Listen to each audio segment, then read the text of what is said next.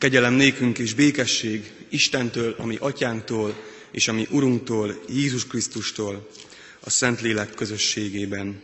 Ámen. A mi segítségünk az Úr nevében van, aki teremtette az eget és a földet. Ámen. Imádkozzunk.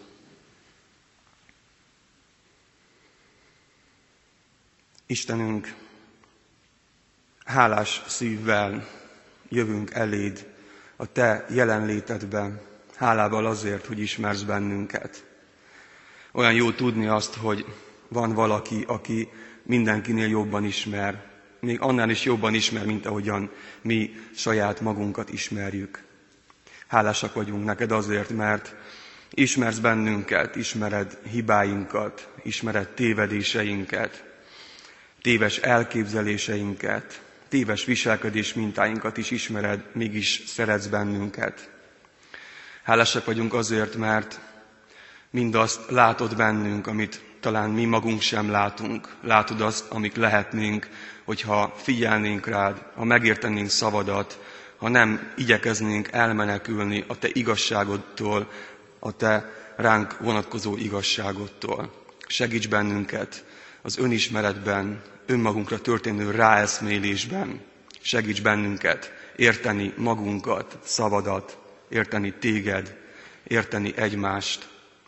Így kérünk, Szentlélek Isten, Te, aki megismerteted velünk Isten szavát és akaratát, aki segítesz bennünket önmagunkat megismerni, légy most itt velünk ezen az Isten tiszteleten. Munkálkodj a szívünkben, a lelkünkben, gondolatainkban, segíts bennünket, hogy egy tágabb összefüggésbe helyeződjön mindaz, amit most tőled tanulhatunk. Légy áldott fiadért. Ámen.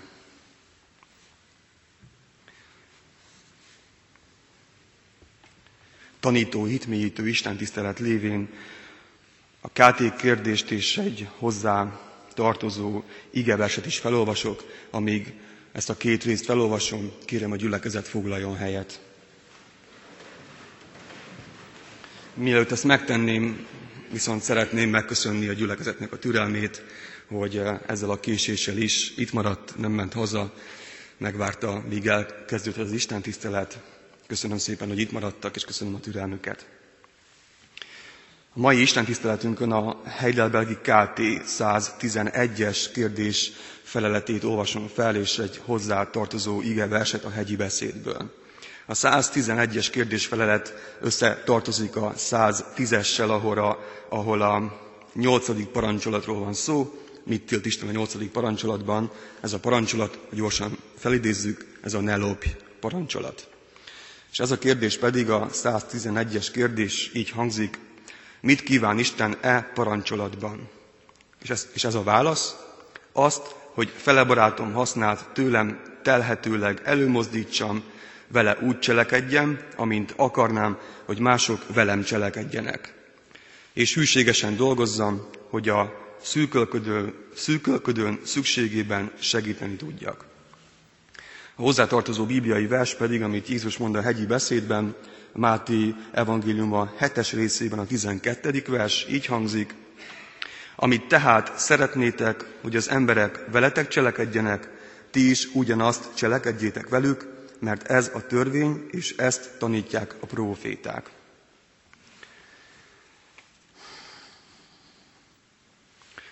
Kedves gyülekezet, kedves testvéreim, amikor a tíz parancsolat szövegét hallom, talán nem vagyok egyedül ezzel az érzéssel, mindig valamilyen gyerekkori emlék ugrik be, valamilyen gyerekkori vasárnap, vasárnapi iskolai emlék az, ami felidéződik bennem, és nagyon nehéz átrágnom magam ezen a kisis, kisiskolás szemléleten, amit közvetít ez az emlék a tíz parancsolatról. Ne lopj, mert lopni, lopni rossz, lopni bűn, ne lopj, ne csendel a csokit. Valamilyen ilyen jellegű érzéseket támasz bennem a tíz parancsolat, lévén, hogy én magam is jártam hittanórára, bár nem túl sokat, mert nem jöttünk itt újjól a hitoktatóval. Azt gondolom, hogy nehéz magunkat összességében átrágni ezen a kisiskolás erkölcsösségen, mert nagy mértékben jellemzi ez a társadalmunkat is. Főleg, hogyha az ember keresztény konzervatív vonalon gondolkodik. Ne lopj, mert lopni nem helyes. De hogyha valaki egy kicsit jobban belássa magát a, a keresztény teológiai etikába, vagy társadalom etikába, akkor mindjárt rádöbben arra, hogy, hogy mennyire komplex és összetett dologról van szó, akkor, amikor egy ilyen rövid mondatot hallunk, hogy ne lopj. Hogy mennyire összetett, vagy az, hogy ne paráználkodj, vagy ne ölj. Hogy mennyi minden tartozik bele teológiailag, vagy egyáltalán etikailag egy ilyen felszólításba, és mindjárt más összefüggésbe helyeződik a mi saját életünkben is. Feleségem pszichológus, és nagyon örülök ennek, mert nagyon sokat tanulok tőle a pszichológiából, a pszichológiáról, és olvasva az ilyen témájú könyveket mindig azon arra csodálkozom rá, hogy mennyire sokrétű az ember bűnössége. Hogy milyen egyszerűen mondjuk ki mi azt, hogy hát a bűn a probléma. Bűnöd van, testvér, tedd le a bűnödet, térj meg, és minden meg fog változni. De az ember, hogyha hosszú éveken keresztül keresztényként kitartóan és elkötelezetten igyekszik megérteni, hogy tulajdonképpen mi is az a bűn, amit le kell tennie, és hogy hogyan kellene megváltoznia, akkor nagyon, akkor rá fog döbbenni arra, hogy ez egy nagyon-nagyon nehéz, nehéz kérdés.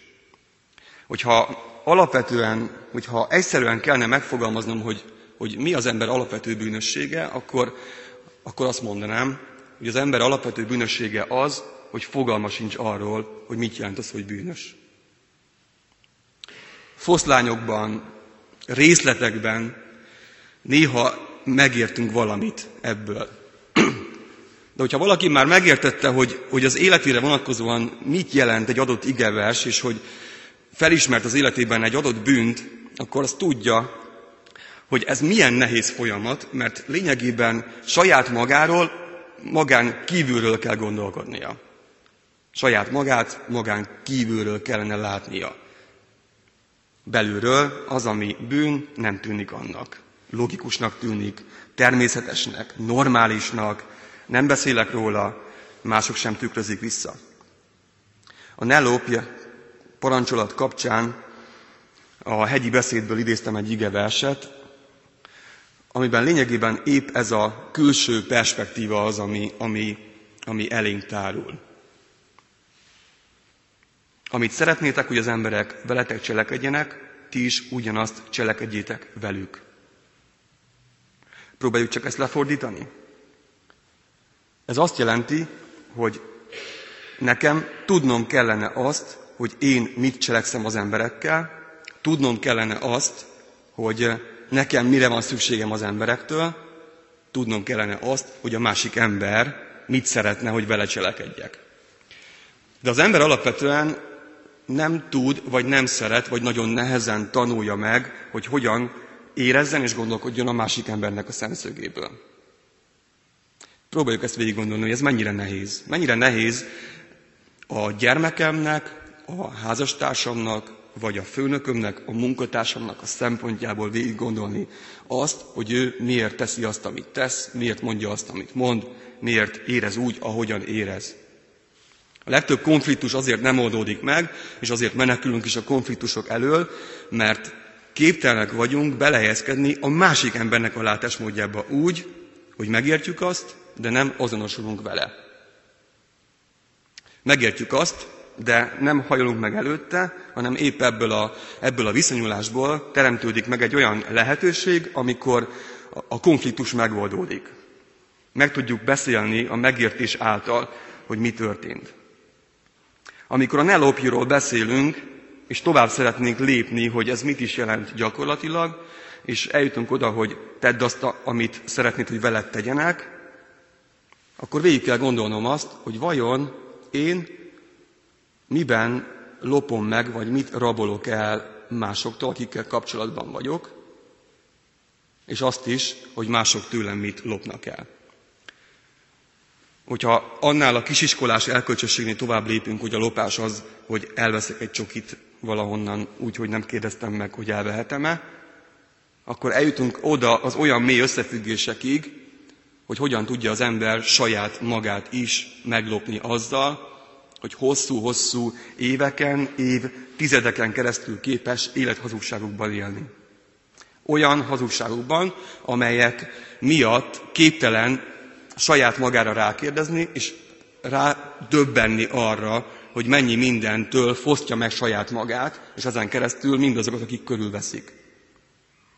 Eljutunk oda, hogy mi az a lopás, rablás, amit a kapcsolatokban megélhetünk, hogyan rabolom el a gyerekemtől a szeretetemet, mert képtelen vagyok az ő szemszögéből gondolkodni, hogyan rabolom el a felnőtt gyerekeimtől az életüket, mert nem tudom elengedni őket, mert csak a saját szempontom a fontos, hogyan lopom el magamtól és másoktól is az intimitást, a szeretet kapcsolatot azzal, hogy nem vagyok hajlandó a másik szemszögéből látni, hogy ő miért érzi azt, amit érez, miért gondolja azt, amit gondol, és miért teszi azt, amit tesz.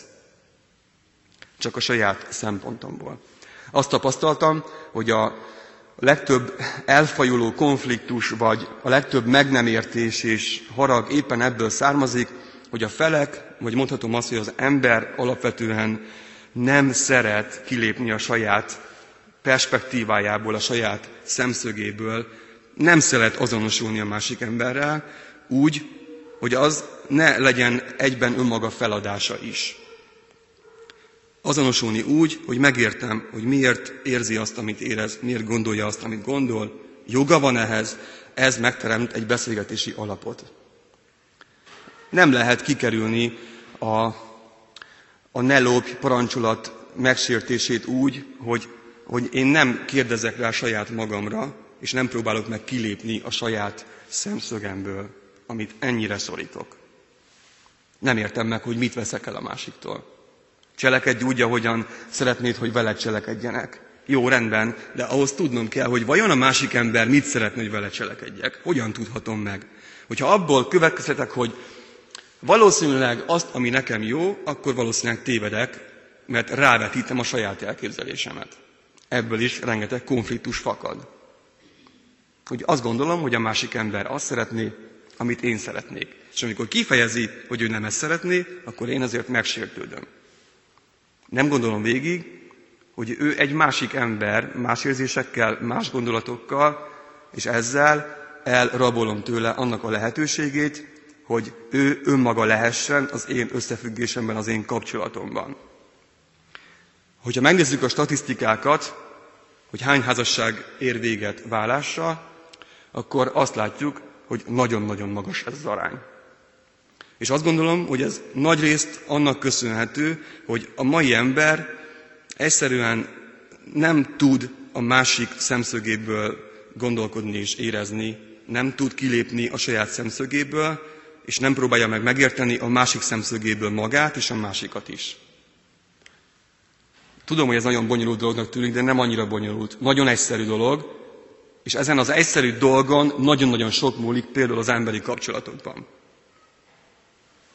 Hogyan rabolom el magamtól és a, a szeretteimtől egy, egy boldog élet lehetőségét? Hát úgy, hogy nem vagyok hajlandó engedni. Én magam is fiatalokkal foglalkozva, érintve a párkapcsolatok témáját, nagyon sokszor szembesültem ezzel a dologgal. Probléma van, mert a másik nem érti, hogy miért nincsen igaza. Ez épp azt jelenti, hogy én nem értem, hogy a másiknak másképpen van igaza. Hogy a másiknak más szemszögből van igaza. Hogy igaza van neki is, meg nekem is. Azt kell megértenünk, hogy ez a két igazság, ez a két részigazság hogyan lesz egy, egy igazság, mert lényegében ez ezt jelenti egy kapcsolat, és főleg a házasság lesznek ketten egy testé. Hát mit jelent? Nem csak mechanikai dolgot, hanem azt, hogy képesek az igazság szempontjából, saját igazságaik szempontjából egyek lenni. A két részigazságból egy igazságot alkotni. De ehhez tudnom kell a másik szempontját megérteni, a másik szemszögéből látni, gondolkodni és érezni. Úgy, hogy nem azonosulok vele, hanem megértem. Úgy, hogy megvan a saját szempontom is. A másik dolog, amit még el szeretnék mondani a ne lopj parancsolat kapcsán, de ezt el lehet mondani más parancsolatok kapcsán is a, a KT kérdések között, hogy pozitíve közelíti meg a református teológia ezeket a parancsolatokat. Van egy ilyen része, hogy mit nem szabad tenni, de onnan ragadja meg, a, és a református teológia is a, az etikának vagy a, a parancsolatoknak a kérdését, hogy de hogy mit kell tennem. Mit kell tennem. Hogyha én azt elmondom a gyülekezetnek, vagy egy, egy pszichológus, vagy egy terapeuta, vagy, vagy bárki, hogy ezt nem szabad tenni, ezt és ezt is, ezt is, ezt nem szabad tenni, azzal csak az egyik részét mondom el annak, hogy hogyan vezet előre valami, padhelyzet alakul ki. Úgy oldódik meg egy probléma, vagy van lehetőség a megoldásra, hogy felvázolok egy, ezt a szót használom most, mert divatos, egy jövőképet. Egy kapcsolati jövőképet, az adott probléma szempontjából egy jövőképet. Itt vagyunk, és ide szeretnénk eljutni mi ketten. Tehát megértettük, hogy nem megy ez a dolog, és szeretnénk megoldani, valahová vezetnie kell ennek a megoldásnak. És ebben a KT kérdésben épp ez a megoldás van. Mit kíván Isten a parancsolatban? Nem az, hogy mit tilt meg, arról már beszéltünk. Mit kíván? Mi az a, az a látás, amit elénk tár? Azt mondja, csupa pozitív dolog. A felebarátom használt tőlem telhetően előmozdítsam.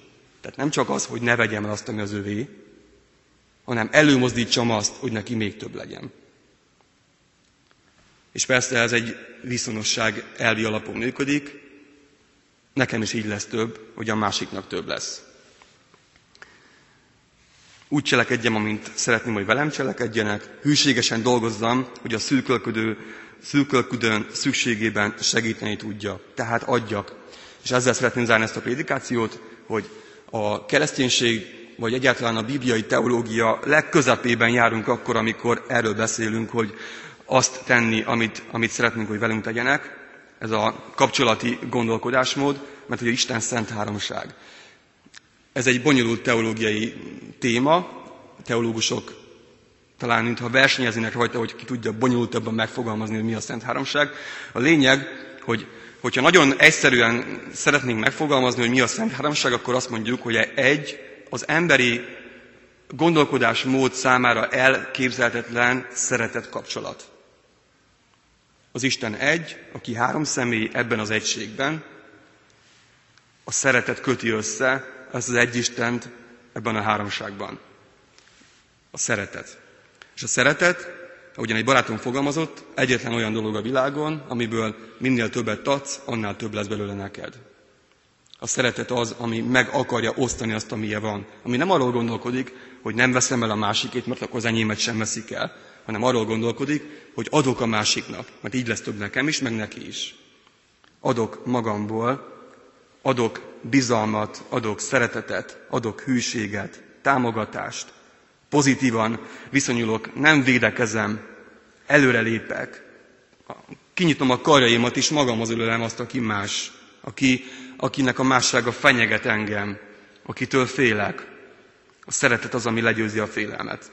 Ez a, ez a páros az, ami mostanában engem nagyon foglalkoztat, és egyre inkább kezdem megérteni, hogy miért emlegeti együtt a Biblia ezt a két szót. Erről beszél több helyen, hogy a, a szeretet és a félelem egyszerűen nem működik. Az ember, hogyha fél, nem tudja megosztani azt, ami benne van, a szeretetét. Nem tud egyszerre szeretni is. Ha félek, akkor hátralépek egyel. Ha félek, akkor összezárom a karjaimat üresen. Ha szeretek, akkor akkor is kitárom a karjaimat, és megölelem azt, akitől félek, hogyha félek. A félelem legyőzése által nyílik meg egy új út, egy új lehetőség. Amikor azt mondjuk csak, hogy ne lopj, akkor azt mondjuk, hogy, hogy védekez, félj attól, hogy tőled is elveszik azt, amit el tudnak venni. De amikor azt mondjuk, hogy szeres, hogy lépj oda a másikhoz, akkor azt mondjuk, hogy tárd ki a karjaidat. Ennek egy nagyon jó, egy nagyon szép bibliai megfogalmazása is van a tékozló fiú történetében, ahol az apa, amikor visszajön a fia, aki eltékozolta a családi vagyonnak a felét, akkor kitárt karokkal várja a fiát. Istenről beszél nekünk ez a történet, hogy Isten hogyan, hogyan fogadja be azt a gyermekét, aki, aki épp eltékozolta a, a saját életét lényegében, kitárt karokkal. Mert ez a kitárt, kitárt kar, a nyitottság a másik ember felé teremti meg a változásnak a lehetőségét, valami újat, valamit, ami előre visz, amiben én valami olyasmi leszek, valaki, akit nem is gondoltam volna saját magamról soha a másik összefüggésében, nem egyedül. És végül egyetlen egy gondolat, barátaimmal, illetve egyetemistákkal beszélgetve a kapcsolati problémákról, mindig ezt szoktam mondani, hogy nem lehet megoldani úgy a kapcsolati problémákat, hogy én otthon ülök és önismereti könyveket olvasok, hogy a Bibliát bújom és imádkozom, hogy Isten segítsen megoldani a kapcsolati problémáimat, azt, hogy nem tudok kapcsolódni az emberekhez. Nem tudom, hogyan nyissak, hogyan beszéljek, mindig csak valami probléma van, konfliktus. Otthon majd egyedül jól megoldom magamba. Ez nem így működik. Mert hogyha az embernek a kapcsolódással van problémája, azzal, hogy hogyan nyissak és hogyan tárjam ki a karjaimat, hogyan, hogyan ne akarjam elvenni azt, ami az övé, hogyan ne a félelem motiváljon abban, hogy, hogy, hogy hogyan viszonyulok a másikhoz, azt csak a kapcsolatokban lehet megtanulni. Hogyha valaki nehezen kapcsolódik, fél az emberektől, és fél nyitni mások felé, akkor ezen kell dolgozni. Odalépni akkor is, amikor félek, beszélni arról is, ami, ami, amitől félek, beszélni azzal is, akitől félek, kimondani azt is, amitől félek, mert éppen ezen keresztül leszek én egy nem a félelmei által vezetett ember, hanem a szeretet által vezetett ember. Ezért csak azt, azt értem, hogy már nem az foglalkoztat, hogy hogyan védjem meg, ami az enyém. Nem az foglalkoztat, hogy, hogy hogyan védjem meg, hogy ne lopják el. Nem az foglalkoztat, hogy mi, ki mit lopott el, hanem az foglalkoztat, hogy mit tudok én adni. Mit tudok adni magamból. Mit tudok adni másoknak. Így leszek több, mint olyan a Szent Háromság is. Isten a fiát adta azért, hogy nekünk életünk lehessen, és ő így több lett, mert mi az övé lehetünk. Jöjjetek, imádkozzunk!